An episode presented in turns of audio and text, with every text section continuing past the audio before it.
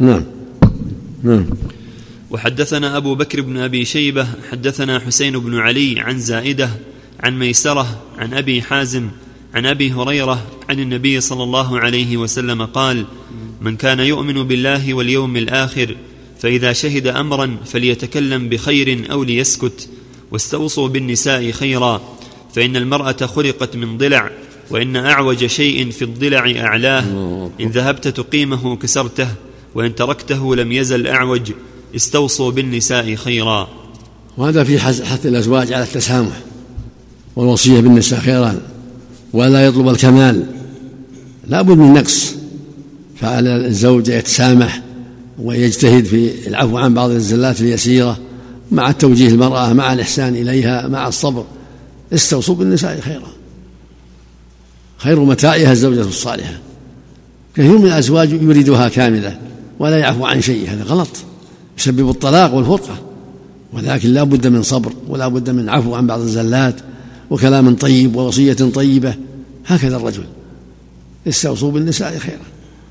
فإنهن خلقن من ضلع يعني من ضلع أعوج الضلع معروف معروف فيه, فيه العوج. فأنت كذلك إذا أردت أن تقيم كسرته. فإذا أردت أن تقيمها قد طلقتها لا بد من صبر. وعاشروهن بالمعروف ولهن مثل الذي عليهن بالمعروف وللرجال عليهن درجة. فمن كرم الأخلاق ومن أحسن الصفات أن تكون كريم الخلق كثير العفو فيما يتعلق بزوجتك معك في حقك تسامح عن بعض الأشياء مع العناية بالدين ووصيتها بما يحفظ عليها دينها. أما إذا قصرت في حقه بعض الأشياء فالمشروع لك التسامح عن بعض حقك نعم. نعم. وإن ذهبت تقيمه كسرته كسره فطلقها وإن أعوج شيء في الضلع أعلاه.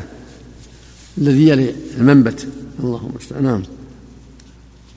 وحدثني إبراهيم بن موسى الرازي حدثنا عيسى بن يونس حدثنا عبد الحميد يعني بن جعفر عن عمران بن أبي أنس عن عمر بن الحكم عن أبي هريرة قال قال رسول الله صلى الله عليه وسلم لا يفرك مؤمن مؤمنة إن كره منها خلقا رضي منها آخر أو قال غيره.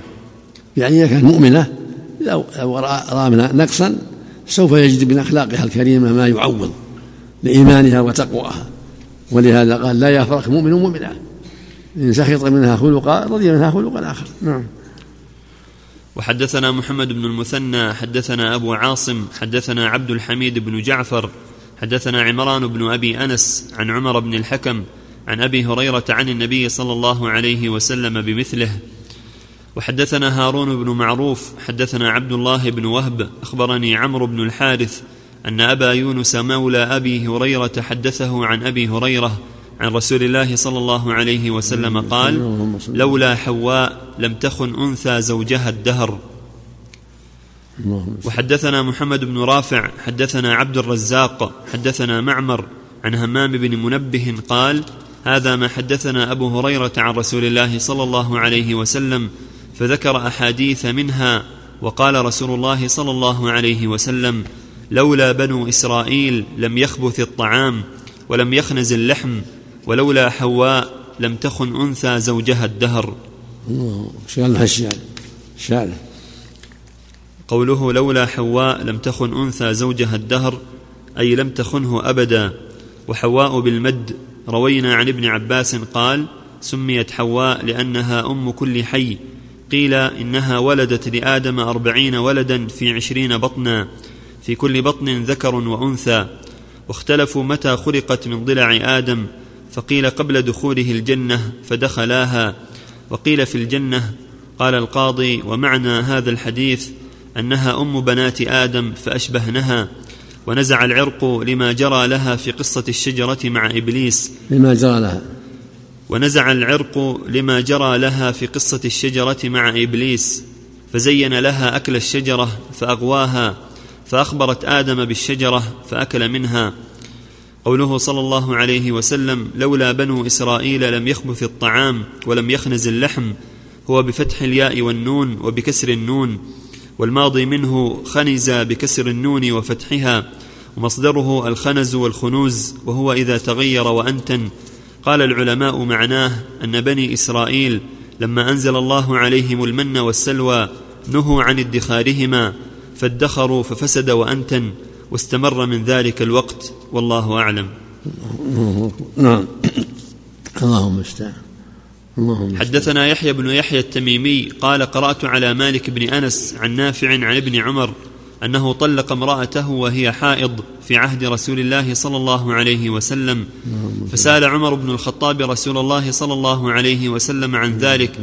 فقال له رسول الله صلى الله عليه وسلم مره فليراجعها ثم ليتركها حتى تطهر ثم تحيض ثم تطهر ثم إن شاء أمسك بعد وإن شاء طلق قبل أن يمس. فتلك العدة التي أمر الله عز وجل أن يطلق لها النساء. حدثنا يحيى بن يحيى وقتيبة وابن رمح واللفظ ليحيى قال قتيبة حدثنا ليث وقال الآخران أخبرنا الليث بن أسعد عن نافع عن عبد الله أنه طلق امرأة له وهي حائض تطليقة واحدة فأمره رسول الله صلى الله عليه وسلم أن يراجعها ثم يمسكها حتى تطهر ثم تحيض عنده حيضة أخرى ثم يمهلها حتى تطهر من حيضتها. فإن أراد أن يطلقها فليطلقها حين تطهر من قبل أن يجامعها. فتلك العدة التي أمر الله أن يطلق لها النساء. يعني في قوله جل وعلا فطلقوهن لعدتهن.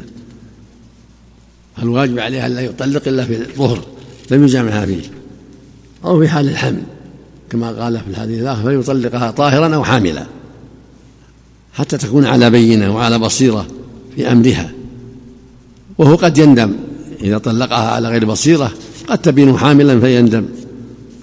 فالمقصود أنه السنة له أن يتحرى وقت طهرها قبل أن يمسها فيطلق أو في حال الحمل. هذا هذا وقت الشرع إما حامل وإما في طهر يمسها هذا إذا كانت تحيض أما إذا كانت آيسة فليس لها سنة ولا بدعة يطلق يطلقها متى شاء الآيسة لكن إذا كانت تحيض فقد يطلقها ثم يندم إذا رآها حاملة قال ما سيما الطلاق البائن فالواجب عليه ألا يعجل وأن يطلقها العدة قبل أن يمسها. ومن هذا أخذ بعض أهل أن الطلاق لا يقع. إذا طلقها بعد المسيس وهي غير حامل صار طلاقا بدعيا لا يقع كما لو طلقها في الحيض صار طلاقا بدعيا لا يقع. وذهب الجمهور إلى أنه يقع مطلقا سواء كان بدعيا أو غير بدعي. نعم. وزاد ابن رمح في روايته وكان عبد الله إذا سئل عن ذلك قال لأحدهم أما أنت طلقت امرأتك مرة أو مرتين فإن رسول الله صلى الله عليه وسلم أمرني بهذا وإن كنت طلقتها ثلاثا فقد حرمت عليك حتى تنكح زوجا غيرك وعصيت الله فيما أمرك من طلاق امرأتك. قال مسلم جود الليث في قوله تطليقة واحدة. نعم. حدثنا محمد بن عبد الله بن نمير حدثنا أبي حدثنا وبهذا يعلم أنه إذا طلق بالثلاث فقد عصى استعجل ولكن يطلق واحدة ثم واحدة ثم الثالثة. حتى إذا كان له رابة أدرك في الأولى أو في الثانية. أما جمع الطلاق فلا يجوز. نعم. نعم. حدثنا محمد بن عبد الله بن نمير حدثنا أبي حدثنا عبيد الله عن نافع عن ابن عمر قال طلقت امرأتي على عهد رسول الله صلى الله عليه وسلم وهي حائض فذكر ذلك عمر لرسول الله صلى الله عليه وسلم فقال مره فليراجعها ثم ليدعها حتى تطهر. ثم تحيض حيضة أخرى فإذا طهرت فليطلقها قبل أن يجامعها أو يمسكها فإنها العدة التي أمر الله أن يطلق لها النساء. قال عبيد الله قلت لنافع ما صنعت التطليقة؟ قال واحدة اعتد بها. وحدثنا الفائدة التي أمر الله بها في قوله جل يا أيها الذين طلقتم النساء فطلقوهن لعدتهن. قولها اعتد بها؟ هذا قاله الجمع والصواب أنه لم يعتد بها. ولم يرها شيئا لأنها وقعت في غير محلها فلم يعتد بها. هذا هو الصواب هذا هو الراجح. خلافا لما رآه الجمهور نعم. وش وجه رأي الجمهور عفى الله عنك؟ نعم. وجه رأي الجمهور. كون ابن عمر احتسبها على نفسه. مم. وحدثناه أبو بكر بن أبي شيبة وابن المثنى قال حدثنا عبد الله بن إدريس عن عبيد الله بهذا الإسناد نحوه ولم يذكر قول عبيد الله لنافع. قال ابن المثنى في روايته فليرجعها وقال أبو بكر فليراجعها. وحدثني زهير بن حرب حدثنا إسماعيل عن أيوب عن نافع أن ابن عمر طلق امرأته وهي حائض فسأل عمر النبي صلى الله عليه وسلم فأمره أن يرجعها ثم يمهلها حتى تحيض حيضة أخرى ثم يمهلها حتى تطهر ثم يطلقها قبل أن يمسها. فتلك العدة التي أمر الله أن يطلق لها النساء. قال فكان ابن عمر إذا سئل عن الرجل يطلق امرأته وهي حائض يقول أما أنت طلقتها واحدة أو اثنتين إن رسول الله صلى الله عليه وسلم أمره أن يراجعها ثم يمهلها حتى تحيض حيضة أخرى ثم يمهلها حتى تطهر ثم يطلقها قبل أن يمسها وأما أنت طلقتها ثلاثا فقد عصيت ربك فيما أمرك به من طلاق امرأتك وبانت منك يعني استعجلت. كان الواجب أن تطلق ثم تراجع ثم تراجع. لا, لا, تعجل لأنك قد تندم. فإذا جمع الطلقات عصى ربه فدل على أنها تقع إذا جمعت. أنت طالق أنت طالق أنت طالق أو أنت طالق ثم طالق ثم طالق قد عصى وبانت منه. هذا الذي عليه أهل العلم جمهور أهل العلم. أما إذا بكلمة واحدة قال أنت طالق بثلاث كلمة واحدة هذه محل الخلاف الجمهور أنها يقع أيضا. وذهب جمع إلى أنها لا يقع. لحديث ابن عباس الذي يأتي كان الطلاق على عهد النبي الطلاق بثلاث واحدة. فلما كان عمر قال إن الناس استعجلوا في أمر كانت له في أنا فأم الله عليهم رضي الله عنهم. وحدثني عبد بن حميد أخبرنا يعقوب بن إبراهيم حدثنا محمد وهو ابن أخي الزهري عن عمه أخبرنا سالم بن عبد الله أن عبد الله بن عمر قال طلقت امرأتي وهي حائض. فذكر ذلك عمر للنبي صلى الله عليه وسلم فتغيظ رسول الله صلى الله عليه وسلم ثم قال مره فليراجعها حتى تحيض حيضة أخرى مستقبلة سوى حيضتها التي طلقها فيها فإن بدا له أن يطلقها طاهرا من حيضتها قبل أن يمسها فذلك فذلك الطلاق للعدة كما أمر الله وكان عبد الله طلقها تطليقة واحدة فحسبت من طلاقها وراجعها عبد الله كما أمره رسول الله صلى الله عليه وسلم. حسبها ابن عمر. حسبت حسبها ابن عمر. نعم. اللهم صل نعم. نعم. وحدثنيه إسحاق بن منصور أخبرنا يزيد بن عبد ربه حدثنا محمد بن حرب حدثني الزبيدي عن الزهري بهذا الإسناد غير أنه قال قال ابن عمر فراجعتها وحسبت لها التطليقة التي طلقتها. صرح أن حسبها هو. نعم. اللهم صل نعم. اجتهاد اجتهادا منه نعم. نعم. وحدثنا أبو بكر بن أبي شيبة وزهير بن حرب وابن نمير واللفظ لأبي بكر. قالوا حدثنا وكيع عن سفيان عن محمد بن عبد الرحمن مولى آل طلحة عن سالم عن ابن عمر أنه طلق امرأته وهي حائض فذكر ذلك عمر للنبي صلى الله عليه وسلم فقال مره فليراجعها ثم ليطلقها طاهرا أو حاملا. وحدثني أحمد بن عثمان بن حكيم الأودي حدثنا خالد بن مخلد حدثني سليمان وهو ابن بلال حدثني عبد الله بن دينار عن ابن عمر أنه طلق امرأته وهي حائض فسأل عمر عن ذلك رسول الله صلى الله عليه وسلم فقال مره فليراجعها حتى تطهر ثم تحيض حيضة أخرى ثم تطهر ثم يطلق بعد أو يمسك وحدثني علي بن حجر السعدي حدثنا إسماعيل بن إبراهيم عن أيوب عن ابن سيرين قال مكثت عشرين سنة يحدثني من لا أتهم أن ابن عمر طلق امرأته ثلاثا وهي حائض فأمر أن يراجعها فجعلت لا أتهمهم ولا أعرف الحديث حتى لقيت أبا غلاب يونس بن جبير الباهلي وكان ذا ثبت فحدثني أنه سأل ابن عمر فحدثه أنه طلق امرأته تطليقة وهي حائض فأمر أن يرجعها. قال قلت أفحسبت عليه؟ قال فمه أو إن عجز واستحمق. وحدثناه أبو الربيع وقتيبة. قال حدثنا حماد عن أيوب بهذا الإسناد نحوه غير أنه قال فسأل عمر النبي صلى الله عليه وسلم فأمره. وحدثناه عبد الوارث بن عبد الصمد حدثني أبي عن جدي عن أيوب بهذا الإسناد وقال في الحديث فسأل عمر النبي صلى الله فسأل عمر النبي صلى الله عليه وسلم عن ذلك فأمره أن يراجعها حتى يطلقها طاهرا من غير جماع وقال يطلقها في قبل عدتها.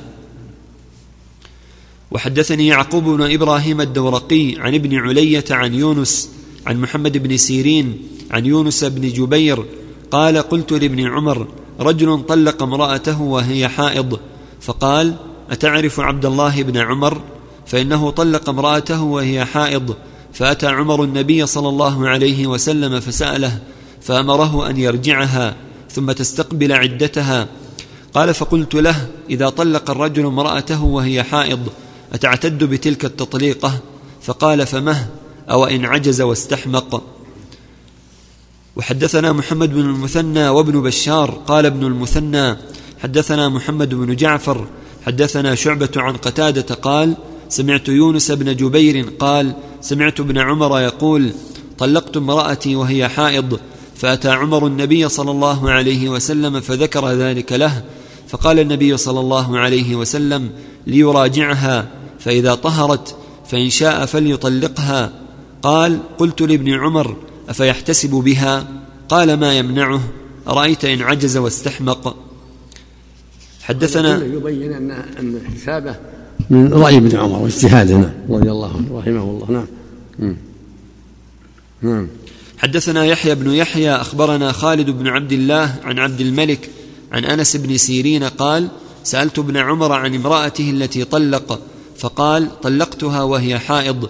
فذكر ذلك لعمر فذكره للنبي صلى الله عليه وسلم فقال مره فليراجعها فإذا طهرت فليطلقها لطهرها قال فراجعتها ثم طلقتها لطهرها. قلت فاعتدت فاعتددت بتلك التطليقة التي طلقت وهي حائض. قال ما لي لا أعتد بها وإن كنت عجزت واستحمقت. حدثنا محمد بن المثنى وابن بشار قال ابن المثنى حدثني محمد بن جعفر حدثنا شعبة عن أنس بن سيرين أنه سمع ابن عمر قال طلقت امرأتي وهي حائض فأتى عمر النبي صلى الله عليه وسلم فأخبره فقال مره فليراجعها ثم إذا طهرت فليطلقها. قلت لابن عمر أفاحتسبت بتلك التطليقة؟ قال فمه. وحدثنا يحيى بن حبيب حدثنا خالد بن الحارث حا وحدثنيه عبد الرحمن بن بشر حدثنا بهز قال حدثنا شعبة بهذا الإسناد غير أن في حديثهما ليرجعها وفي حديثهما قال قلت له أتحتسب بها؟ قال فمه. وحدثنا إسحاق بن إبراهيم أخبرنا عبد الرزاق أخبرنا ابن جريج أخبرني ابن طاووس عن أبيه أنه سمع ابن عمر يسأل عن رجل طلق امرأته حائضا فقال أتعرف عبد الله بن عمر؟ قال نعم. قال فإنه طلق امرأته حائضا فذهب عمر إلى النبي صلى الله عليه وسلم فأخبره الخبر فأمره أن يراجعها. قال لم أسمعه يزيد على ذلك لأبيه. وحدثني هارون بن عبد الله حدثنا حجاج بن محمد قال قال ابن جريج أخبرني أبو الزبير أنه سمع عبد الرحمن بن أيمن مولى عزة يسأل ابن عمر وأبو الزبير يسمع ذلك. كيف ترى في رجل طلق امرأته حائضا؟ فقال طلق ابن عمر امرأته وهي حائض. على عهد رسول الله صلى الله عليه وسلم فسأل عمر رسول الله صلى الله عليه وسلم فقال إن عبد الله بن عمر طلق امرأته وهي حائض.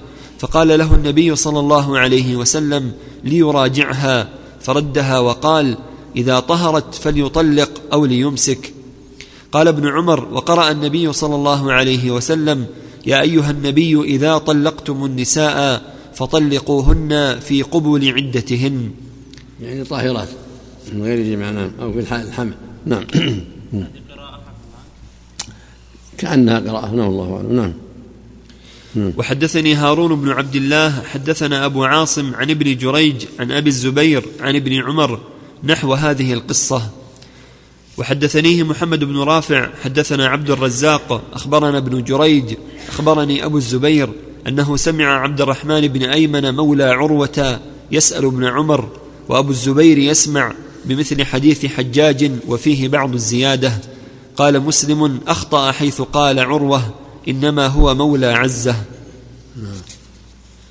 المؤلف رحمه الله اعتنى بهذا رحمه الشيخ مسلم رحمه الله. اعتنى بهذه الطرق العظيمة. غفر الله له. نعم.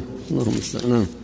حدثنا إسحاق بن إبراهيم ومحمد بن رافع واللفظ لابن رافع. قال إسحاق أخبرنا وقال ابن رافع حدثنا عبد الرزاق أخبرنا معمر عن ابن طاووس عن أبيه عن ابن عباس قال كان الطلاق على عهد اللهم صل على محمد.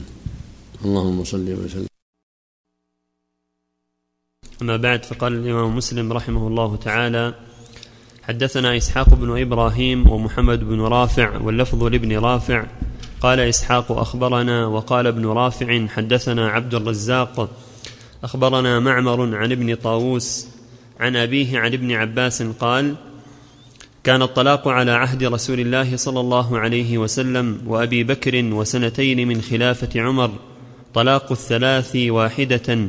فقال عمر بن الخطاب إن الناس قد استعجلوا في أمر قد كانت لهم فيه أناه فلو أمضيناه عليهم فأمضاه عليهم.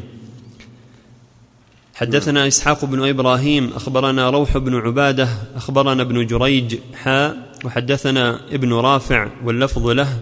حدثنا عبد الرزاق أخبرنا ابن جريج أخبرني ابن طاووس عن أبيه أن أبا الصهباء قال لابن عباس أتعلم أنما كانت الثلاث تجعل واحدة على عهد النبي صلى الله عليه وسلم وأبي بكر وثلاثا من إمارة عمر فقال ابن عباس نعم. وحدثنا إسحاق بن إبراهيم أخبرنا سليمان بن حرب عن حماد بن زيد عن أيوب السختياني عن إبراهيم بن ميسرة عن طاووس أن أبا الصهباء قال لابن عباس هات من هناتك ألم يكن الطلاق الثلاث على عهد رسول الله صلى الله عليه وسلم وأبي بكر واحدة؟ فقال قد كان ذلك. فلما كان في عهد عمر تتايع الناس في الطلاق فأجازه عليهم. وحدثنا زهير بن حرب حدثنا أن الناس كانوا في عهده صلى الله عليه وسلم طلاقهم قليل وعندهم تثبت. ثم أن الناس تتايعوا واكثروا من الطلاق بالثلاث فلان طالق بالثلاث هي طالق بالثلاث. فأمضاه عليه عمر. جعل الثلاث المجموعة كالمفرقة وأمضاه عليهم ردعا لهم عن التساهل في هذا الأمر المحرم. لأن الرسول زجر عن الطلاق بالثلاث والسنة يطلق واحدة حتى إذا تمكن من الرجعة فإن بدا له يراجع راجع. ثم يطلق الثانية إذا بدا له ثم تكون الثالثة هي الأخيرة. فلما أكثر الناس من جمعها وكانت تجعل واحدة أمضاها عليه عمر رضي الله عنه كالعقوبة لهم باجتهاده رضي الله عنه. وذكر ابن القيم رحمه الله في طرق الحكمية أنه رحمه الله في آخر حياته ندم على ذلك. والصواب أنها تجعل واحدة. إذا قال ذلك بالثلاث الصواب أنها تجعل واحدة كما كان في عهد النبي صلى الله عليه وسلم وعهد الصديق وأول خلافة عمر. له له مراجعته إذا كان قد دخل بها. لأن الله جل وعلا قال الطلاق مرتان. فإذا جمعها جميع قال الطالق بالثلاث تقال واحدة. وذهب الجمهور والأكثرون إلى قول عمر إلى اجتهاد عمر وإمضائها على الناس. ذهب الأكثر من العلم على إمضائها وأن متى قال طالب بالثلاث تمضى عليه وتحرم عليه حتى تنكح زوج غيره. اتباع اتباعا لما رآه أمير عمر رضي الله عنه من اجتهاده. والأقرب والأظهر ما كان عليه النبي صلى الله عليه وسلم ما كان في عهد النبي صلى الله عليه وسلم وعهد الصديق. وأول خلافة الصواب أن يقال إنها واحدة لأن هذا قد يغضب يقع الغضب كثيرا ويقول أنت طالق بالثلاث فالواجب أن تجعل واحدة. هذا هو الواجب وهذا هو الأرجح. وله مراجعتها ما دامت العدة ثم إذا طلق الثانية كذلك تحسب على ثانية فإذا جاءت الثالثة حرمت. بقوله فإن طلقها يعني الثالثة فلا تحل لهم بها حتى تنكح زوجها. وإذا قال أنت طالق أنت طالق أنت طالق وقعت الثلاث. أو قال أنت طالق ثم طالق ثم طالق وقعت الثلاث. مثل ما قال السلام عليكم السلام عليكم السلام ثلاث مرات. نعم.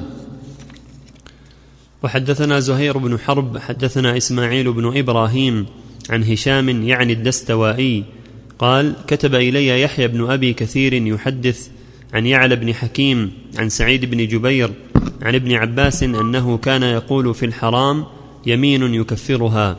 وقال ابن عباس لقد كان لكم في رسول الله أسوة حسنة. وحدثنا يحيى بن بشر الحريري حدثنا معاوية يعني بن سلام عن يحيى بن أبي كثير أن يعلى بن حكيم أخبره أن سعيد بن جبير أخبره أنه سمع ابن عباس قال إذا حرم الرجل عليه امرأته فهي يمين يكفرها وقال لقد كان لكم في رسول الله أسوة حسنة هذا قول بعض أهل العلم ابن عباس. يحتج بقوله جل وعلا يا أيها النبي لما تحرم ما هل تبتغي مرضات أزواجك؟ والله غفور رحيم. قد فرض الله تحلة أيمانك. ولكن ذهب آخر من الصحابة وغيرهم إنه ظهار. وأما اللي وقع للنبي صلى الله عليه وسلم ليس تحريما للزوجة إنما هو تحريم للعسل. في لفظ آخر حرم الجارية. تحريم الجارية والعسل كفاره يمين. قال هذا العسل علي حرام أو هذا الطعام علي حرام أو كلامك علي حرام حكم حكم اليمين. أما إذا حرم زوجته قال أنت علي حرام. مثل يقول أنت علي كظهر أمي. يكون ظهارا فيه عتق رقبه فإن عجز عن رقبة يصوم شهرين متابعين. فإن عجز يطعم ستين مسكينا إذا قال أنت أنت علي أنت علي حرام كما لو قال أنت علي كظهر أمي أو كظهر جدتي أو أختي يكون ظهارا أما إذا قال هذا لغير الزوجة قال هذا الطعام علي حرام أو هذا البيت علي حرام أو كلامك علي حرام أو كلام فلان علي حرام أو هذا السفر علي حرام. هذا حكم حكم اليمين نعم. وحدثني محمد بن حاتم حدثنا حجاج بن محمد أخبرنا ابن جريج أخبرني عطاء أنه سمع عبيد بن عمير يخبر أنه سمع عائشة تخبر أن النبي صلى الله عليه وسلم كان يمكث عند زينب بنت جحش فيشرب عندها عسلا. قالت فتواطيت أنا وحفصة أن أيتنا ما دخل عليها النبي صلى الله عليه وسلم فلتقل إني أجد منك ريح مغافير أكلت مغافير. فدخل على إحداهما فقالت ذلك له فقال بل شربت عسلا عند زينب بنت جحش ولن أعود له. فنزل لم تحرم ما أحل الله لك؟ إلى قوله إن تتوبا لعائشة وحفصة وإذ أسر النبي إلى بعض أزواجه حديثا لقوله بل شربت عسلا.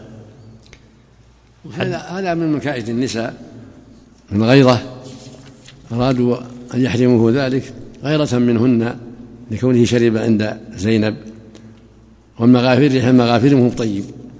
ريح المغافير فلهذا قال أتركه إذا كان فيه رائحة. نعم.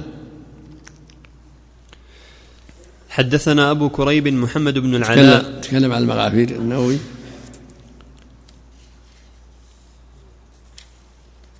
قولها إني أجد منك ريح مغافير هي بفتح الميم وبغين معجمة وفاء وبعد الفاء ياء. هكذا هو في الموضع الأول في جميع النسخ. وأما الموضعان الأخيران فوقع فيهما في بعض النسخ بالياء وفي بعضها بحذفها. قال القاضي الصواب إثباتها لأنها عوض من الواو التي في المفرد وإنما حذفت في ضرورة الشعر وهو جمع مغفور وهو صمغ حلو كالناطف وهو. وهو صمغ حلو كالناطف وله رائحة كريهة ينضحه شجر يقال له العرفط بضم العين المهملة والفاء يكون بالحجاز وقيل إن العرفط نبات له ورقة عريضة تفترش على الأرض له شوكة حجناء وثمرة بيضاء كالقطن مثل زر القميص خبيث الرائحة. قال القاضي وزعم المهلب أن رائحة المغافير والعرفط حسنة وهو خلاف ما يقتضيه الحديث وخلاف ما قاله الناس. قال أهل اللغة العرفط من شجر العضاه وهو كل شجر له شوك. وقيل رائحته كرائحة النبيذ وكان النبي صلى الله عليه وسلم يكره أن توجد منه رائحة كريهة. اللهم صل اللهم صل عليه وسلم نعم. حدثنا أبو كريب محمد بن العلاء وهارون بن عبد الله قال حدثنا أبو أسامة عن هشام عن أبيه عن عائشة قالت كان رسول الله صلى الله عليه وسلم يحب الحلواء والعسل وكان إذا صلى العصر دار على نسائه فيدنو منهن فدخل على حفصة فاحتبس عندها أكثر مما كان يحتبس. فسألت عن ذلك فقيل لي أهدت لها امرأة من قومها عكة من عسل. فسقت رسول الله صلى الله عليه وسلم منه شربه. فقلت أما والله لنحتالن له. فذكرت ذلك لسودة وقلت إذا دخل عليك فإنه سيدنو منك. فقولي له يا رسول الله أكلت مغافير؟ فإنه سيقول لك لا. فقولي له ما هذه الريح؟ وكان رسول الله صلى الله عليه وسلم يشتد عليه أن يوجد منه الريح فإنه سيقول لك سقتني حفصة شربة عسل. فقولي له جرست نحله العرفط. وسأقول ذلك له وقوليه أنت يا صفية. فلما دخل على سودة قالت تقول سودة والذي لا إله إلا هو لقد كدت أن أبادئه بالذي قلت لي. وإنه لعلى الباب فرقا منك. فلما دنا رسول الله صلى الله عليه وسلم قالت يا رسول الله أكلت مغافير؟ قال لا. قالت فما هذه الريح؟ قال سقتني حفصة شربة عسل. قالت جرست نحله العرفط. فلما دخل علي قلت له مثل ذلك. ثم دخل على صفية فقالت بمثل ذلك. فلما دخل على حفصة قالت يا رسول الله ألا أسقيك منه؟ قال لا حاجة لي به.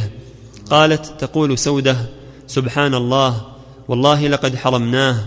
قالت قلت لها اسكتي. وحدثنيه سويد بن سعيد حدثنا علي بن مسهر عن هشام بن عروة بهذا الإسناد نحوه. قال أبو إسحاق إبراهيم حدثنا الحسن بن بشر بن القاسم حدثنا أبو أسامة بهذا سواء. وحد منها قصتان وقعت في حفصه قصه زينب. محتمل نعم. نعم.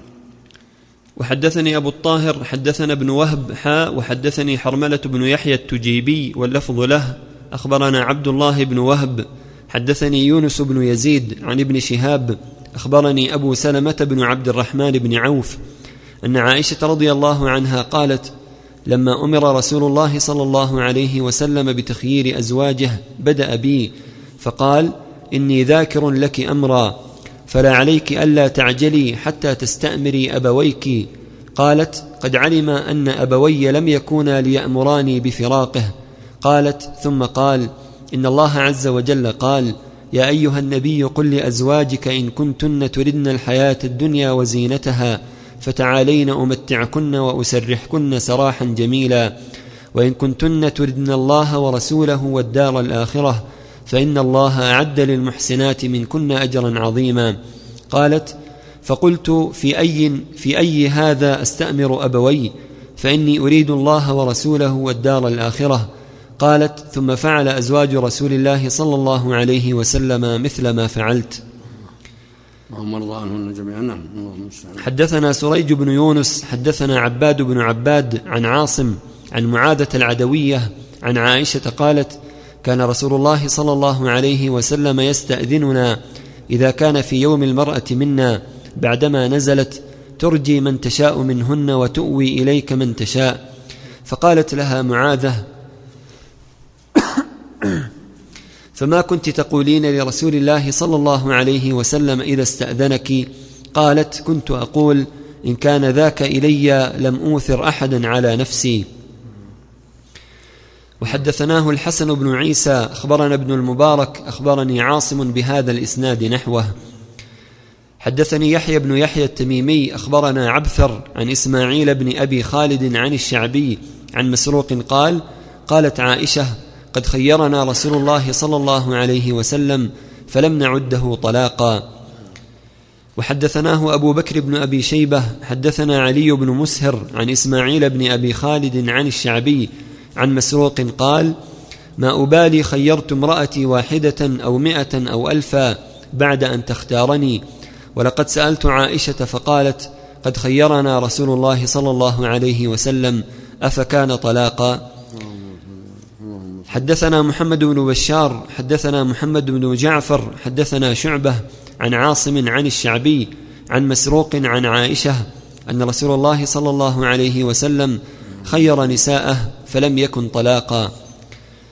وحدثني إسحاق بن منصور أخبرنا عبد الرحمن عن سفيان عن عاصم الأحول وإسماعيل بن أبي خالد عن الشعبي عن مسروق عن عائشة قالت خيرنا رسول الله صلى الله عليه وسلم فاخترناه فلم نعده طلاقا. حدثنا يحيى بن يحيى وأبو بكر بن أبي شيبة وأبو كريب قال يحيى أخبرنا وقال الآخران حدثنا أبو معاوية عن الأعمش عن مسلم عن مسروق عن عائشة قالت خيرنا رسول الله صلى الله عليه وسلم فاخترناه فلم يعددها علينا شيئا. وحدثني أبو الربيع الزهراني حدثنا إسماعيل بن زكريا حدثنا الأعمش عن إبراهيم. والمعنى أن الزوج إذا قال لزوجته إذا كنت ترغبين الطلاق فليس عندي مانع أن هذا ما يسمى طلاق هذا تخيير. مثل ما خير النبي نساءه. فإذا قال لها لنسائه أي أيتكن تريد الطلاق؟ فلا عندي مانع. ما ما أجبركن علي. من كانت تريد الطلاق منكن تخبرني. فليس بطلاق. نعم. إنما هو مشاورة لهن وتخير لهن. نعم. نعم. وحدثني أبو الربيع الزهراني حدثنا إسماعيل بن زكريا حدثنا الأعمش عن إبراهيم عن الأسود عن عائشة وعن الأعمش عن مسلم عن مسروق عن عائشة بمثله. وحدثنا زهير بن حرب حدثنا روح بن عبادة حدثنا زكرياء بن إسحاق حدثنا أبو الزبير عن جابر بن عبد الله قال دخل أبو بكر يستأذن على رسول الله صلى الله عليه وسلم فوجد الناس جلوسا ببابه لم يؤذن لأحد منهم. قال فأذن لأبي بكر فدخل ثم أقبل عمر فاستأذن فأذن له. فوجد النبي صلى الله عليه وسلم جالسا حوله نساؤه واجما ساكتا. قال فقال لأقولن شيئا أضحك النبي صلى الله عليه وسلم. فقال يا رسول الله لو رأيت بنت خارجة سألتني النفقة فقمت إليها فوجأت عنقها. فضحك رسول الله صلى الله عليه وسلم وقال هن حولي كما ترى يسألني النفقة. فقام أبو بكر إلى عائشة يجأ عنقها فقام عمر إلى حفصة يجأ عنقها. كلاهما يقول تسألن رسول الله صلى الله عليه وسلم ما ليس عنده؟ فقلنا والله لا نسأل رسول الله صلى الله عليه وسلم شيئا أبدا ليس عنده. ثم اعتزلهن شهرا أو تسعا وعشرين يوما. ثم نزلت عليه هذه الآية يا أيها النبي قل لأزواجك حتى بلغ للمحسنات منكن أجرا عظيما. قال فبدأ بعائشة فقال يا عائشة إني أريد أن أعرض عليك أمرا أحب أن لا تعجلي فيه حتى تستشيري أبويك. قالت وما هو؟ قالت وما هو يا رسول الله؟ فتلا عليها الآية. قالت أفيك يا رسول الله أستشير أبوي؟ بل أختار الله ورسوله والدار الآخرة. وأسألك ألا تخبر امرأة من نسائك بالذي قلت. قال لا تسألني امرأة منهن إلا أخبرتها. إن الله لم يبعثني معنتا ولا متعنتا ولكن بعثني معلما ميسرا. اللهم صل عليه اللهم صل عليه نعم. حدثني زهير بن حرب حدثنا عمر بن يونس الحنفي حدثنا عكرمة بن عمار عن سماك أبي زميل حدثني عبد الله بن عباس حدثني عمر بن الخطاب قال لما اعتزل نبي الله صلى الله عليه وسلم نساءه قال دخلت المسجد. فإذا الناس ينكتون بالحصى ويقولون طلق رسول الله صلى الله عليه وسلم نساءه وذلك قبل أن يؤمرن بالحجاب. فقال عمر فقلت لا أعلمن ذلك اليوم. قال فدخلت على عائشة. فقلت يا بنت أبي بكر أقد بلغ من شأنك أن تؤذي رسول الله صلى الله عليه وسلم؟ فقالت ما لي وما لك يا ابن الخطاب عليك بعيبتك. قال فدخلت على حفصة بنت عمر فقلت لها يا حفصة أقد بلغ من شأنك أن تؤذي رسول الله صلى الله عليه وسلم؟ والله لقد علمت أن رسول الله صلى الله عليه وسلم لا يحبك ولولا أنا لطلقك رسول الله صلى الله عليه وسلم. فبكت أشد البكاء فقلت لها أين رسول الله صلى الله عليه وسلم؟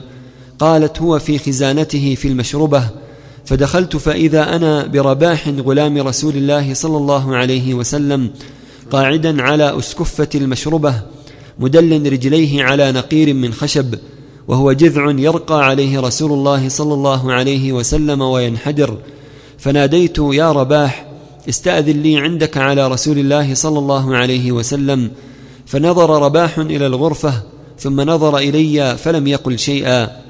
ثم قلت يا رباح استأذن لي عندك على رسول الله صلى الله عليه وسلم. فنظر رباح إلى الغرفة ثم نظر إلي فلم يقل شيئا. ثم رفعت صوتي فقلت يا رباح استأذن لي عندك على رسول الله صلى الله عليه وسلم. فإني أظن أن رسول الله صلى الله عليه وسلم ظن أني جئت من أجل حفصة. والله لئن أمرني رسول الله صلى الله عليه وسلم بضرب عنقها لأضربن عنقها ورفعت صوتي فأومأ إلي أن ارقه فدخلت على رسول الله صلى الله عليه وسلم وهو مضطجع على حصير فجلست فأدنى عليه إزاره وليس عليه غيره وإذا الحصير قد أثر في جنبه فنظرت ببصري في خزانة رسول الله صلى الله عليه وسلم فإذا أنا بقبضة من شعير نحو الصاع ومثلها قرضا في ناحية الغرفة وإذا أفيق معلق قال فابتدرت عيناي قال ما يبكيك يا ابن الخطاب؟ قلت يا نبي الله وما لي لا أبكي وهذا الحصير قد أثر في جنبك وهذه خزانتك لا أرى فيها إلا ما أرى وذاك قيصر وكسرى في الثمار والأنهار وأنت رسول الله صلى الله عليه وسلم وصفوته وهذه خزانتك. فقال يا ابن الخطاب ألا ترضى أن تكون لنا الآخرة ولهم الدنيا؟ قلت بلى. قال ودخلت عليه حين دخلت وأنا أرى الغضب في وجهه. فقلت يا رسول الله ما يشق عليك من شأن النساء؟ فإن كنت طلقتهن فإن الله تعالى معك وملائكته وجبريل وميكائيل وأنا وأبو بكر والمؤمنون معك. وقلما تكلمت وأحمد الله بكلام إلا رجوت أن يكون الله يصدق قولي الذي أقول. ونزلت هذه الآية آية التخيير. عسى ربه إن طلقكن أن يبدله أزواجا خيرا منكن. وإن تظاهر عليه فإن الله هو مولاه وجبريل وصالح المؤمنين. والملائكة بعد ذلك ظهير.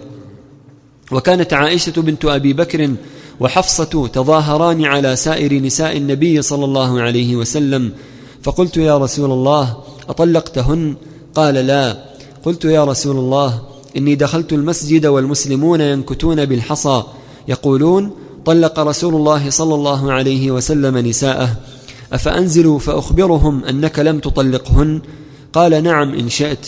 فلم أزل أحدثه حتى تحسر الغضب عن وجهه وحتى كشر فضحك وكان من أحسن الناس ثغرا. ثم نزل نبي الله صلى الله عليه وسلم ونزلت. ونزلت أتشبث بالجذع ونزل رسول الله صلى الله عليه وسلم كأنما يمشي على الأرض ما يمسه بيده. فقلت يا رسول الله إنما كنت في الغرفة تسعة وعشرين. قال إن الشهر يكون تسعا وعشرين.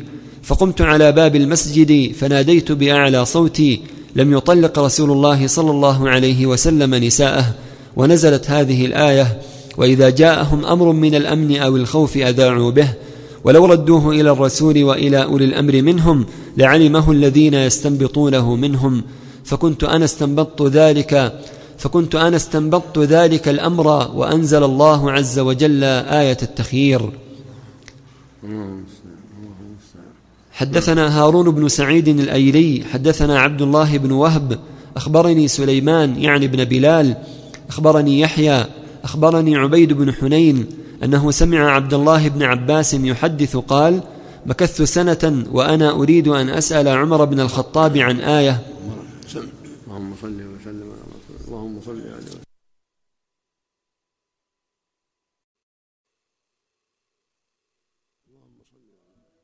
بسم الله الرحمن الرحيم. الحمد لله رب العالمين. والصلاة والسلام على أشرف الأنبياء والمرسلين نبينا محمد وعلى آله وصحبه أجمعين.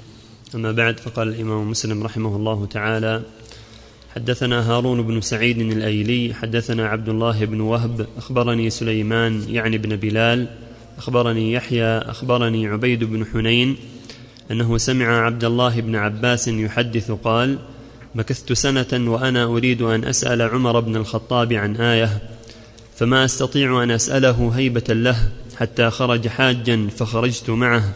فلما رجع فكنا ببعض الطريق عدل إلى الأراك لحاجة له. فوقفت له حتى فرغ ثم سرت معه فقلت يا أمير المؤمنين من اللتان تظاهرتا على رسول الله صلى الله عليه وسلم من أزواجه؟ فقال تلك عائشة وحفصة. قال فقلت له والله إن كنت لأريد أن أسألك عن هذا منذ سنة فما أستطيع هيبة لك. قال فلا تفعل. ما ظننت أن عندي من علم فسلني عنه فإن كنت أعلمه أخبرتك. قال وقال عمر والله إن كنا في الجاهلية ما نعد للنساء أمرا حتى أنزل الله تعالى فيهن ما أنزل وقسم لهن ما قسم. قال فبينما أنا في أمر أأتمره إذ قالت لي امرأتي لو صنعت كذا وكذا. فقلت لها وما لك أنت ولما ها هنا؟ وما تكلفك في أمر أريده؟ فقالت لي عجبا لك يا ابن الخطاب ما تريد أن تراجع أنت وإن ابنتك لتراجع رسول الله صلى الله عليه وسلم حتى يظل يومه غضبان. قال عمر فآخذ ردائي ثم أخرج مكاني حتى أدخل على حفصة. فقلت لها يا بنية إنك لتراجعين رسول الله صلى الله عليه وسلم حتى يظل يومه غضبان؟ فقالت حفصة والله إنا لنراجعه. فقلت تعلمين أني أحذرك عقوبة الله وغضب رسوله؟ يا بنية لا يغرنك هذه التي قد أعجبها حسنها. وحب رسول الله صلى الله عليه وسلم إياها. ثم خرجت حتى أدخل على أم سلمة لقرابتي منها فكلمتها فقالت لي أم سلمة عجبا لك يا ابن الخطاب قد دخلت في كل شيء حتى تبتغي أن تدخل بين رسول الله صلى الله عليه وسلم. وبين أزواجه. قال فأخذتني اخذا كسرتني عن بعض ما كنت أجد فخرجت من عندها وكان لي صاحب من الأنصار إذا غبت أتاني بالخبر وإذا غاب كنت أنا آتيه بالخبر. ونحن حينئذ نتخوف ملكا من ملوك غسان ذكر لنا أنه يريد أن يسير إلينا فقد امتلأت صدورنا منه. فأتى صاحب الأنصاري يدق الباب وقال افتح افتح. فقلت جاء الغساني فقال أشد من ذلك اعتزل رسول الله صلى الله عليه وسلم أزواجه. قال فقلت رغم أنف حفصة وعائشة ثم آخذ ثوبي فأخرج حتى جئت فإذا رسول الله صلى الله عليه وسلم في مشربه له يرتقى إليها بعجلة وغلام لرسول الله صلى الله عليه وسلم أسود على رأس الدرجة فقلت هذا عمر فأذن لي قال عمر فقصصت على رسول الله صلى الله عليه وسلم هذا الحديث فلما بلغت حديث أم سلمة تبسم رسول الله صلى الله عليه وسلم وإنه لعلى حصير ما بينه وبينه شيء وتحت رأسه وسادة من أدم حشوها ليف وإن عند رجليه قرضا مضبورا وعند رأسه أهبا معلقة فرأيت آثر الحصير في جنب رسول الله صلى الله عليه وسلم فبكيت فقال ما يبكيك؟ فقلت يا رسول الله إن كسرى وقيصر فيما هما فيه وأنت رسول الله. فقال رسول الله صلى الله عليه وسلم أما ترضى أن تكون لهم الدنيا ولك الآخرة؟ اللهم صل على اللهم صل عليه وسلم. لا بد من الصبر كما صبر الأنبياء. أشد الناس بلاء الأنبياء. هذه فيه العظه والذكرى وأن التنعم في الدنيا. والسعاده الدنيوية ليست دليل على السعادة الأخروية بل تكون للصالح والطالح. وإنما السعادة الأبدية السعادة في طاعة الله والاستقامة على أمر الله والصبر. نعم. نعم. وحدثنا محمد بن المثنى حدثنا عفان حدثنا حماد بن سلمة أخبرني يحيى بن سعيد عن عبيد بن حنين عن ابن عباس قال أقبلت مع عمر حتى إذا كنا بمر الظهران وساق الحديث بطوله كنحو حديث سليمان بن بلال غير أنه قال قلت شأن المرأتين قال حفصة وأم سلمة وزاد فيه وأتيت الحجر فإذا في كل بيت بكاء وزاد أيضا وكان إلى منهن شهرا فلما كان تسعا وعشرين نزل إليهن وحدثنا أبو بكر بن أبي شيبة وزهير بن حرب واللفظ لأبي بكر. قال حدثنا سفيان بن عيينة عن يحيى بن سعيد. سمع عبيد بن حنين وهو مولى العباس. قال سمعت ابن عباس يقول كنت أريد أن أسأل عمر عن المرأتين اللتين تظاهرتا على عهد رسول الله صلى الله عليه وسلم فلبثت سنة ما أجد موضعا حتى صحبته إلى مكة فلما كان بمر الظهران ذهب يقضي حاجته فقال أدركني بإداوة من ماء فأتيته بها. فلما قضى حاجته ورجع ذهبت أصب عليه وذكرت فقلت له يا أمير المؤمنين من المرأتان؟ فما قضيت كلامي حتى قال عائشة وحفصه وحدثنا إسحاق بن إبراهيم الحنظلي ومحمد بن أبي عمر وتقاربا في لفظ الحديث. قال ابن أبي عمر حدثنا. وقال إسحاق أخبرنا عبد الرزاق أخبرنا معمر عن الزهري عن عبيد الله بن عبد الله بن أبي ثور عن ابن عباس قال لم أزل حريصا أن أسأل عمر عن المرأتين من أزواج النبي صلى الله عليه وسلم اللتين قال الله تعالى إن تتوبا إلى الله فقد صغت قلوبكما. حتى حج عمر وحججت معه فلما كان ببعض الطريق عدل عمر وعدلت معه بالإداوة فتبرز ثم أتاني فسكبت على يديه فتوضأ فقلت يا أمير المؤمنين من المرأتان من أزواج النبي صلى الله عليه وسلم؟ اللتان قال الله عز وجل لهما إن تتوبا إلى الله فقد صغت قلوبكما. قال عمر وعجبا لك يا ابن عباس؟ قال الزهري كره والله ما أسأله عنه ولم يكتمه. قال هي حفصة وعائشة ثم يسوق الحديث. قال كنا معشر قريش قوما نغلب النساء فلما قدمنا المدينة وجدنا قوما تغلبهم نساؤهم فطفق نساؤنا يتعلمن من نسائهم. قال وكان منزلي في بني أمية بن زيد بالعوالي فتغضبت يوما على امرأتي فإذا هي تراجعني فأنكرت أن تراجعني فقالت ما تنكر أن أراجعك؟ فوالله إن أزواج النبي صلى الله عليه وسلم ليراجعنه. وتهجره إحداهن اليوم إلى الليل. فانطلقت فدخلت على حفصة فقلت أتراجعين رسول الله صلى الله عليه وسلم؟ قالت نعم. فقلت أتهجره إحداكن اليوم إلى الليل؟ قالت نعم. فقلت قد خاب من فعل من فعل ذلك منكن وخسر. أفتأمن إحداكن أن يغضب الله عليها لغضب رسوله صلى الله عليه وسلم؟ فإذا هي قد هلكت لا تراجعي رسول الله صلى الله عليه وسلم ولا تسأليه شيئا وسليني ما بدا لك. ولا يغرنك أن كانت جارتك هي أوسم وأحب إلى رسول الله صلى الله عليه وسلم منك يريد عائشة. قال فكان لي جار من الأنصار فكنا نتناوب النزول إلى رسول الله صلى الله عليه وسلم. أنزل يوما فينزل يوما فيأتيني بخبر الوحي وغيره وأتيه بمثل ذلك. فكنا نتحدث أن غسان تنعل الخيل لتغزونا فنزل صاحبي ثم أتاني عشاء فضرب بابي ثم ناداني فخرجت إليه فقال حدث أمر عظيم قلت ماذا؟ أجاءت غسان؟ قال لا بل أعظم من ذلك وأطول. طلق النبي صلى الله عليه وسلم نساءه فقلت قد خابت حفصة وخسرت قد كنت, أظن هذا كائنا حتى إذا صليت شددت علي ثيابي ثم نزلت فدخلت على حفصة وهي تبكي فقلت أطلقكن رسول الله صلى الله عليه وسلم؟ فقالت لا أدري ها هو ذا معتزل في هذه المشربة؟ فأتيت غلاما له أسود فقلت استأذن لعمر فدخل ثم خرج إلي فقال قد ذكرتك له فصمت فانطلقت حتى انتهيت إلى المنبر فجلست فإذا عنده رهط جلوس يبكي بعضهم فجلست قليلا ثم غلبني ما أجد ثم أتيت الغلام فقلت استأذن لعمر فدخل ثم خرج إلي فقال قد ذكرتك له فصمت فوليت مدبرا.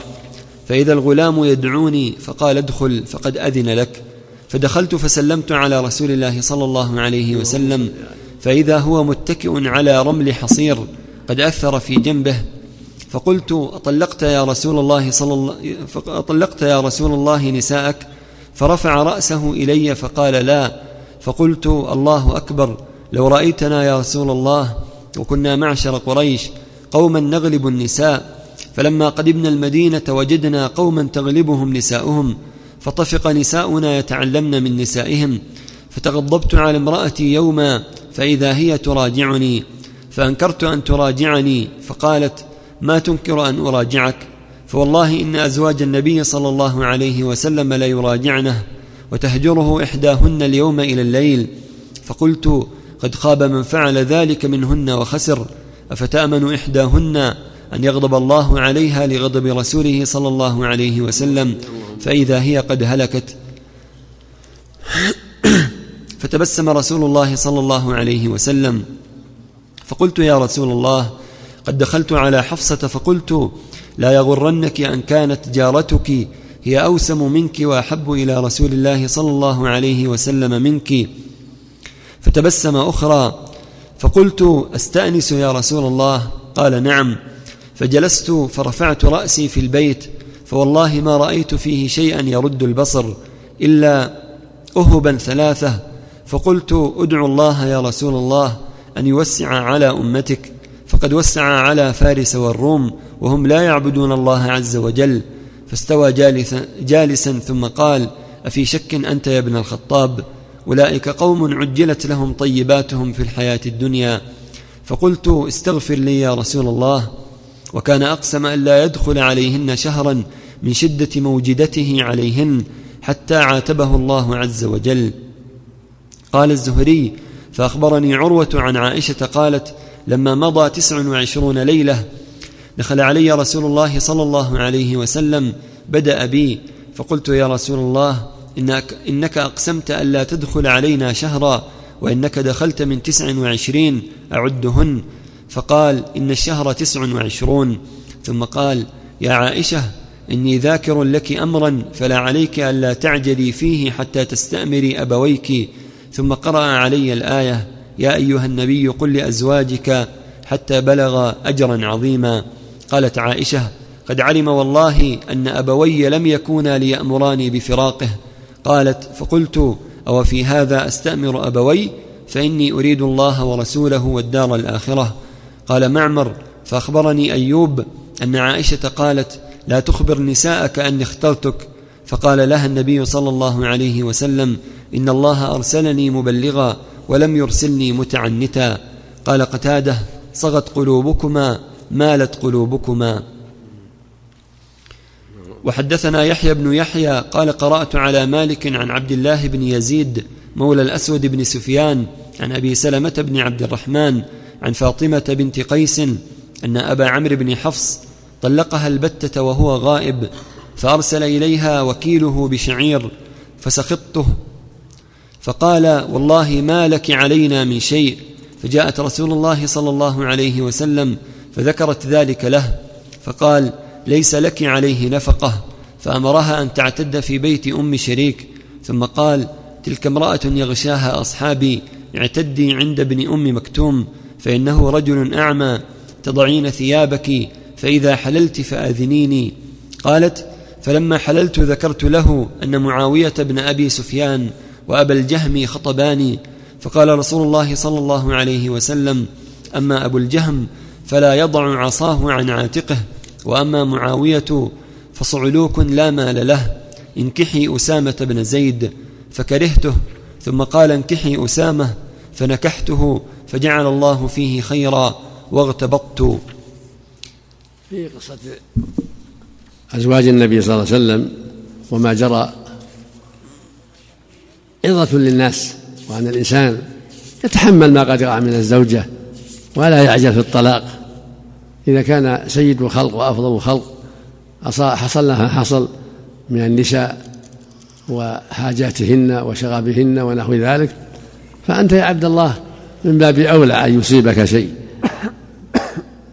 سواء كانت واحدة أو ثنتين أو ثلاث أو أربع الواجب الصبر وعدم العجلة في الأمور. فإذا وجد شيء فعليك بالتريث وعدم العجلة والنظر وعلاج الأمور بالحكمة.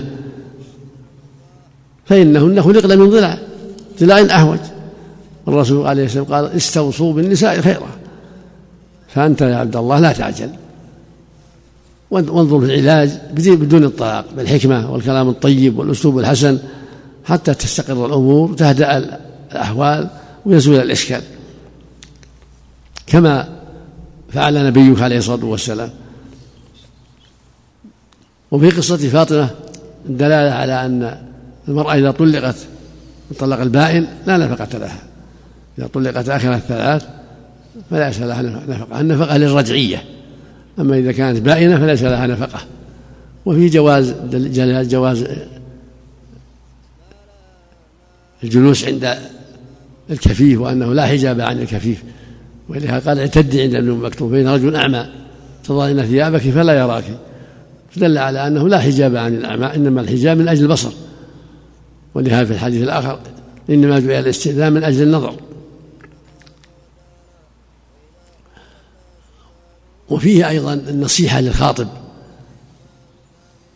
المخطوبة تنصح. إذا خطبها خطاب تنصح بمن هو أحسن وأصلح. وأنفع لها كما نصحها النبي بأسامة فإن أسامة خطبها ومعاوية خطبها وأبو جهم خطبها فأشار الله النبي بأسامة وإن كان مولى إن أكرمكم عند الله أتقاكم. أسامة مولى عتيق ومعاوية معروف وأبو جهم معروف فأشار الله بمن هو أصلح لها. قال انكحي أسامة. فنكحت أسامة وجعل الله في خير وارتبط به فدل ذلك على أن ولي المرأة ينظر الأصلح لها. إذا خطبها جماعة لا ينظر للنسب أو المال ينظر للصلاح. ومن هو أقرب لها في دينها وأنفع لها في دينها. ولهذا قال لها انكح أسامة. قال أما أبو جهم فلا يضع رأسه عن عاتقه. وأما ما معاذ فصعود كل مال له.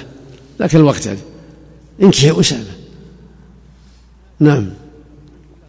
حدثنا قتيبة بن سعيد حدثنا عبد العزيز يعني ابن أبي حازم وقال قتيبة أيضا حدثنا يعقوب يعني ابن عبد الرحمن القاري كلاهما عن أبي حازم عن أبي سلمة عن فاطمة بنت قيس أنه طلقها زوجها في عهد النبي صلى الله عليه وسلم وكان أنفق عليها نفقة دون فلما رأت ذلك قالت والله لو علمن رسول الله صلى الله عليه وسلم فإن كان لي نفقة أخذت الذي يصلحني وإن لم تكن لي نفقة لم آخذ منه شيئا.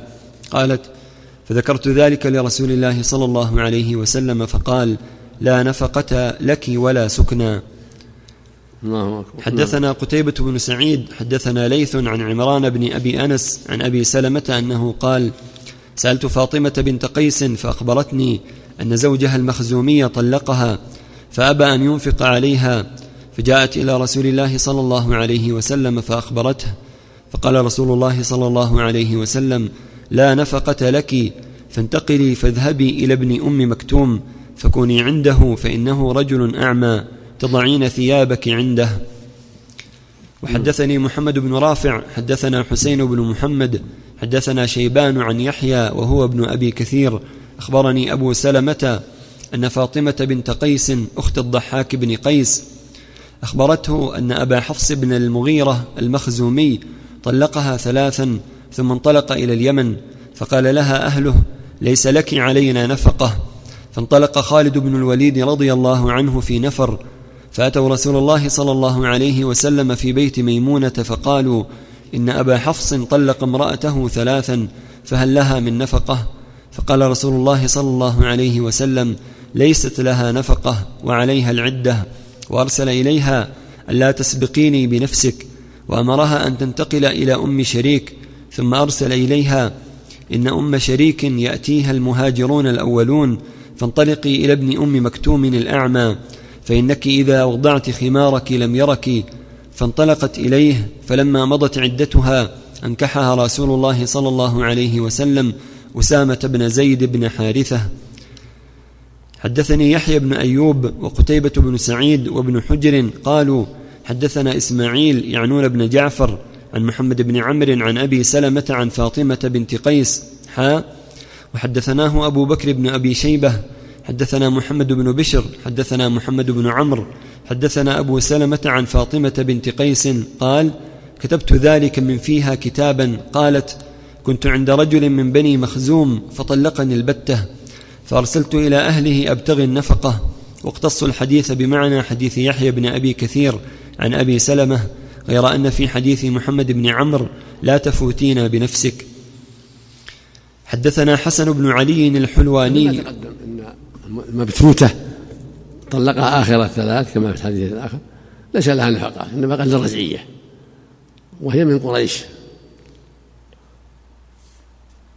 فاطمة بنت قيس الفهريه القرشيه وزوجها النبي أسامة بن زيد وكان أسامة مولى له وأبوه كذلك كلهم معتقد النبي صلى الله عليه وسلم. فدل ذلك على أن الاعتبار بالصفات الدينية والأخلاق الكريمة. فالمرأة تختار من هو أصلح في دينه وإن كان ليس من قبيلتها ويختار لها وليها من هو أصلح. وإن كان مولى وإن كانت قرشية وإن كانت هاشمية إنما إن أكرمكم عند الله أتقاكم. فإذا خطب إليكم من ترضون دينه وخلقه فزوجوه. إلا تفعلوا تكون ذلك وفساد كبير. نعم. حدثنا حسن بن علي الحلواني وعبد بن حميد جميعا عن يعقوب بن إبراهيم بن سعد.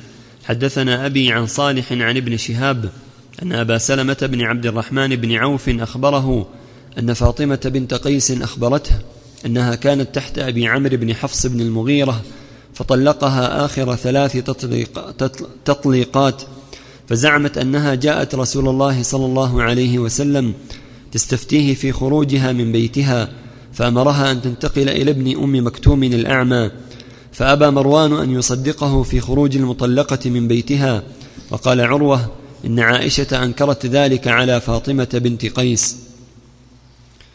نعم. وحدثنيه محمد بن رافع حدثنا حجين حدثنا الليث عن عقيل. والأصل في هذا قوله جل وعلا.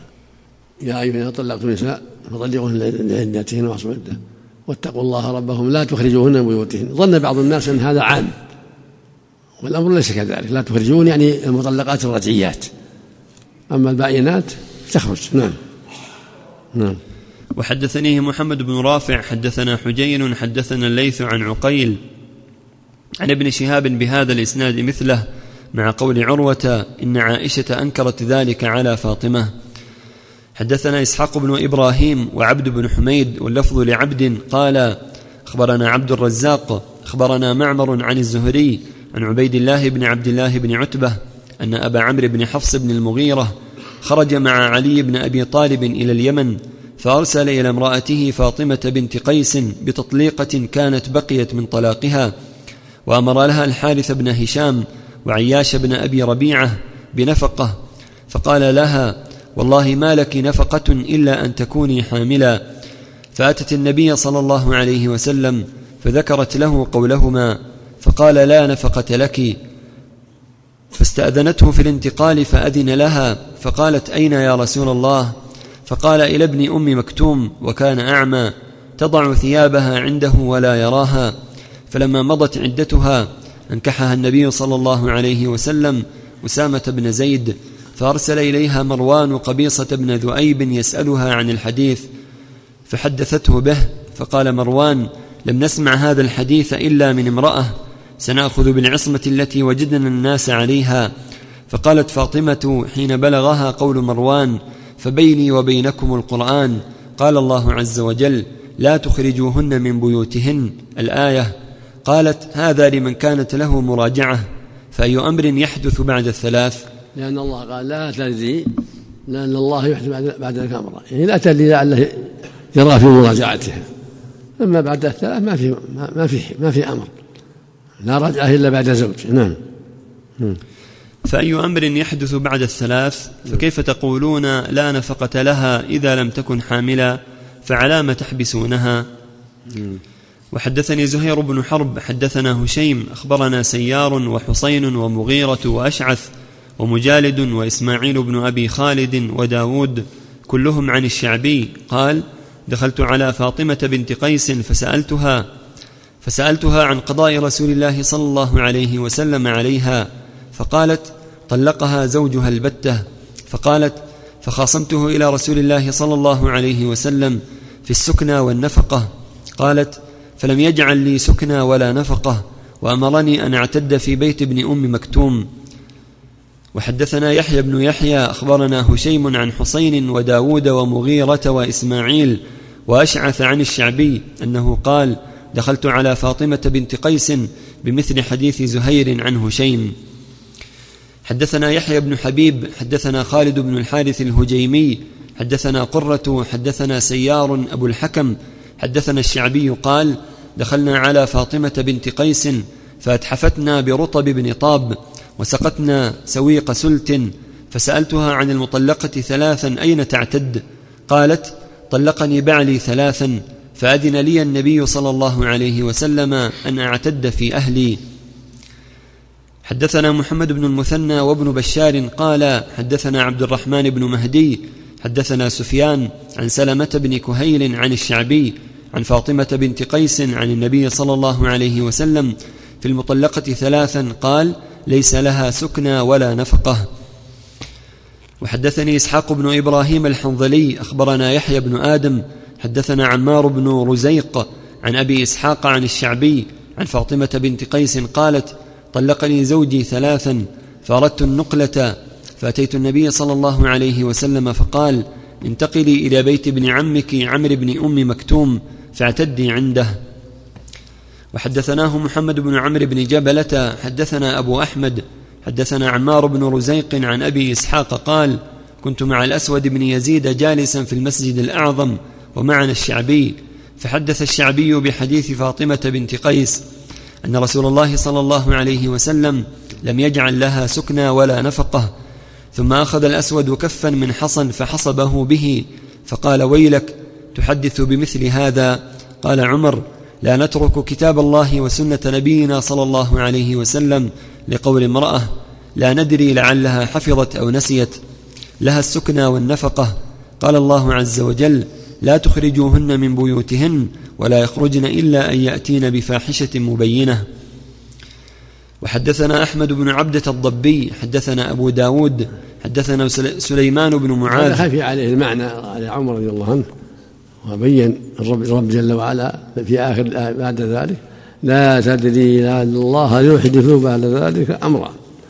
هذا في الرجعيات وحديث فاطمة في المبتوتات. نعم. أين تعتد أحسن الله نعم. أين تعتد المبتوتة عند أهلها؟ عند أهلها وليس واجب على الزوج يا شيخ؟ عند أهلها تعتد عند أهلها. ما تحله صار أجنبية. نعم. نعم. نعم. ثلاث ثلاث حيضات. إذا كانت تحيض وكانت عائشة ثلاثة أشهر. إذا كان ما لها أهل تعتد عنده لأن عندها أهله يعني في بيته مع أهله. هو مع الخلوة عند أهله عند النساء. نعم. نعم. إذا كانت رجعية تعتد عنده وينفق عليها. وإذا كانت بائنة ليس لها نفقة ولا سكنة. نعم. نعم. إذا كان ما, ما استقامت حاله لا بأس. إلا أن يأتي بفاحشة مبينة إذا كان بينهم نزاع وخرجت لا بأس. لكن الواجب عليه أن ينفق عليها في البيت. لعله يرجع لعل الله يهديه ويرجع إذا كانت عندها أسهل عليه في الرجعة. لكن إذا تنازع أو ساءت الحال بينهما تخرج. وحدثنا أحمد بن عبدة الضبي حدثنا أبو داود حدثنا سليمان بن معاذ عن أبي إسحاق بهذا الإسناد نحو حديث أبي أحمد عن عمار بن رزيق بقصته. وحدثنا أبو بكر بن أبي شيبة حدثنا وكيع حدثنا سفيان عن أبي بكر بن أبي الجهم بن صخير العدوي. قال سمعت فاطمة بنت قيس تقول إن زوجها طلقها ثلاثا فلم يجعل لها رسول الله صلى الله عليه وسلم سكنى ولا نفقة. قالت قال لي رسول الله صلى الله عليه وسلم إذا حللت فآذنيني. فآذنته فخطبها معاوية وأبو جهم وأسامة بن زيد. فقال رسول الله صلى الله عليه وسلم أما معاوية فرجل ترب لا مال له وأما أبو جهم فرجل ضراب للنساء ولكن أسامة بن زيد. فقالت بيدها هكذا أسامة أسامة. فقال لها رسول الله صلى الله عليه وسلم طاعة الله وطاعة رسوله خير لك. قالت فتزوجته فاغتبطت. كأنها استنكرت أن تنكح أسامة يعني وهي قرشية ومولى فقال لها طاعة الله وطاعة أخبرها بما هو أصلح لها. معاوية ذاك الوقت كان فقير ما عنده مال ذاك الوقت. نعم وأبو جهم أخبر أني ضراب للنساء. فنصحها بما هو خير لها. نعم.